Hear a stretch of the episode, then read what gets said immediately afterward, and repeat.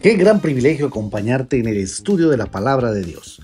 Bienvenido al podcast de la hora silenciosa de Palabra de Vida Guatemala.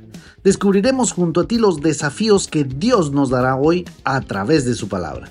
Deseamos que hayas tomado un tiempo para leer con anticipación el pasaje del día de hoy.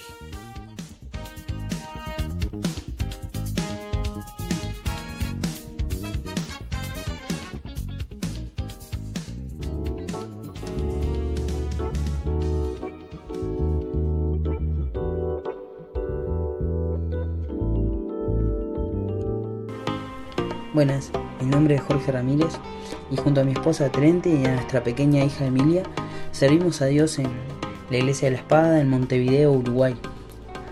Hoy tenemos el privilegio de poder volver a abrir la palabra de Dios en el libro de Josué, el capítulo 23, y leemos en los versículos del 1 al 8. Aconteció muchos días después de haber dado el Señor reposo a Israel de todos sus enemigos de alrededor siendo Josué ya muy anciano y avanzado en años, que Josué llamó a todo Israel, a sus ancianos, a sus jefes, a sus jueces y a sus oficiales y les dijo, yo ya soy viejo y avanzado en años, y ustedes han visto todo lo que el Señor su Dios ha hecho a todas estas naciones por causa de ustedes, porque el Señor su Dios es quien ha peleado por ustedes.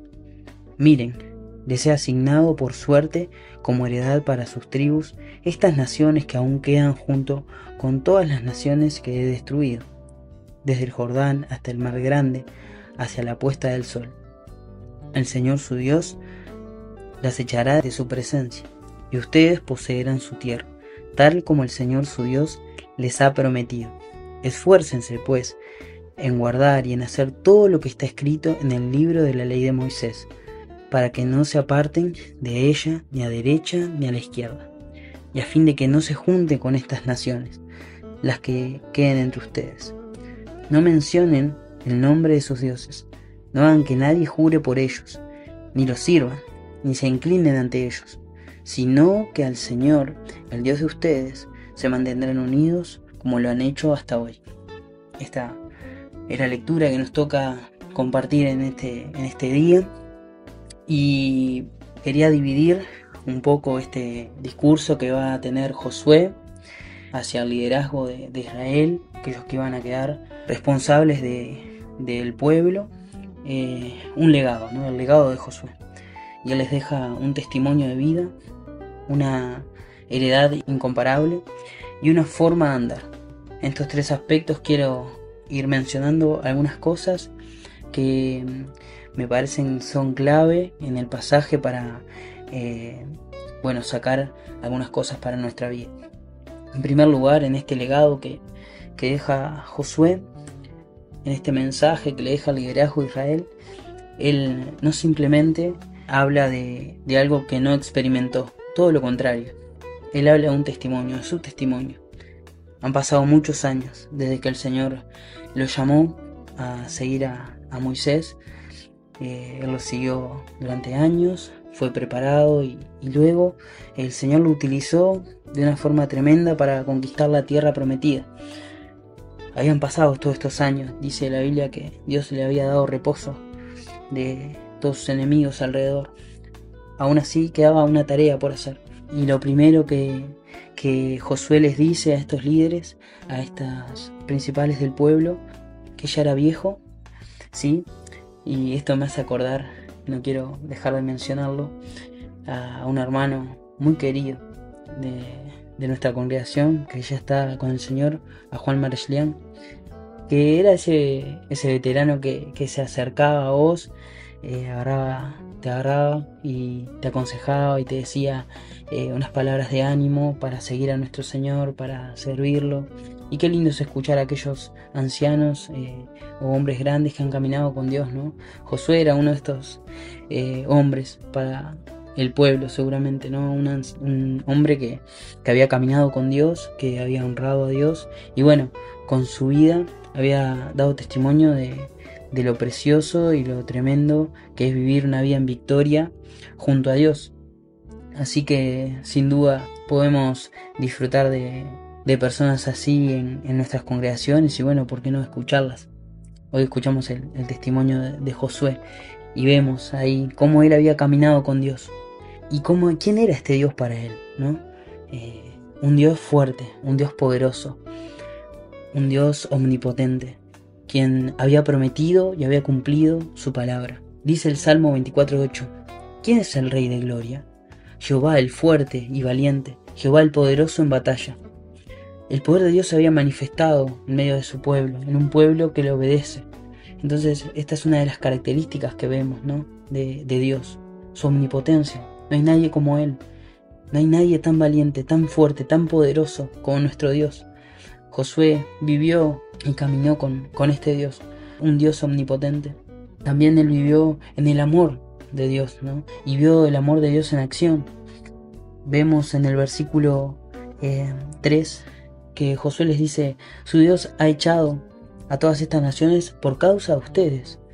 Ese causa de ustedes nos habla de, un amor, un amor de Dios a su pueblo y un amor que es incondicional, igual que su fidelidad, una fidelidad incondicional. Así es nuestro Dios, ¿no? Así es, fue el Dios de Josué y él da testimonio de eso.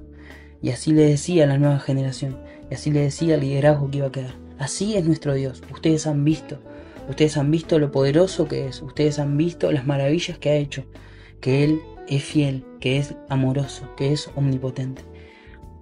Así nosotros también podemos pensar en quién es nuestro Dios y confiar, caminar y vivir vidas que, que de la mano con, con este Dios que es igual, que no ha cambiado, que mantiene eh, su poder y su brazo igual de fuerte, su amor igual de eh, intenso y su fidelidad inmutable. Así es nuestro Dios, el mismo ayer, hoy y por siempre. No solo en este legado le dejó un testimonio de vida a Josué, sino que también les habló de una herencia, de una heredad incomparable. Y leemos en, en el versículo 4, miren, les he asignado por suerte como heredad para sus tribus estas naciones que aún quedan junto a todas las naciones que he destruido desde el Jordán hasta el mar grande hacia la puesta del sol. Josué había peleado, había guiado fielmente al pueblo hacia la conquista de Canaán y Dios había dado reposo en medio de aquella tierra. Pero todavía quedaban trabajo por hacer. Y esta nueva generación tenía que terminar de conquistar eh, estas naciones. Ahora es interesante que Dios era quien iba a sacar a estas naciones del medio de ellos, ¿no? Para que ellos poseyeran la tierra. Y es que cuando pensamos en nuestra herencia como iglesia, no hemos hecho nada más que aceptar el precioso tesoro de nuestro Señor Jesucristo. En 1 de Pedro 1.4 se nos habla que tenemos una herencia incorruptible, incontaminada e inmarcesible. La vida, la justicia, el gozo, la paz, la perfección, la presencia de Dios, la compañía gloriosa de Cristo, el Espíritu Santo, como dice en Efesios 1.14, es la garantía permanente de nuestra herencia. Así como esa herencia motiva a, esta nueva generación de líderes, también nuestra herencia nos motiva a caminar en este mundo como peregrinos y extranjeros, sabiendo que no pertenecemos aquí, que nuestros mayores tesoros eh, no pueden quedarse aquí, sino que tienen que ser y tienen que ver con el reino de Dios y con aquello que no se ve, con aquello que no pueden ver nuestros ojos muchas veces. Por último, eh, quería pensar en una forma de caminar.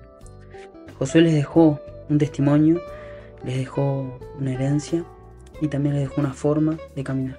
Y esta forma de caminar era en obediencia a Dios, guardando su palabra, haciendo todo lo que Dios les decía y sin titubeos.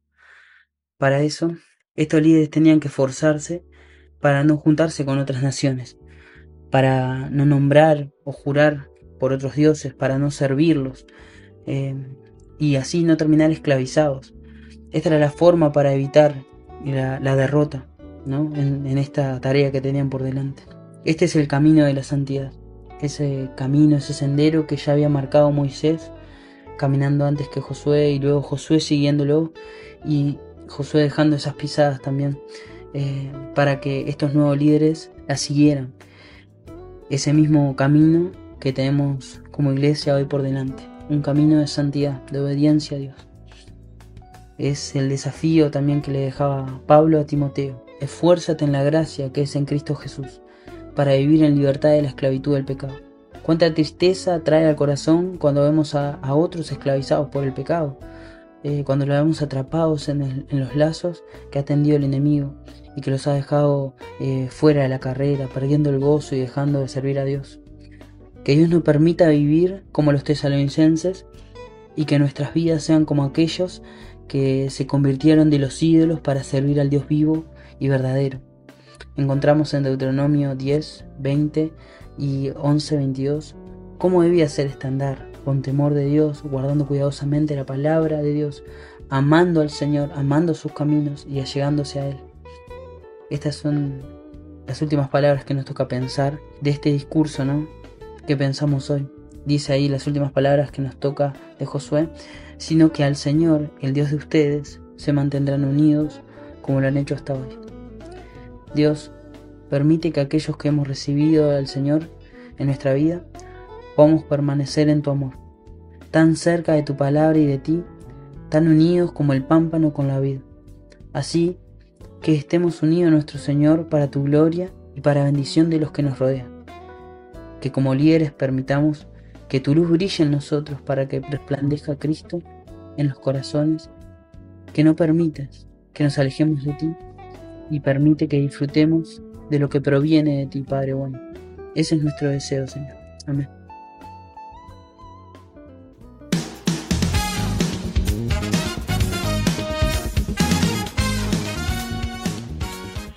Es emocionante saber los tesoros que Dios tiene en su palabra para nosotros.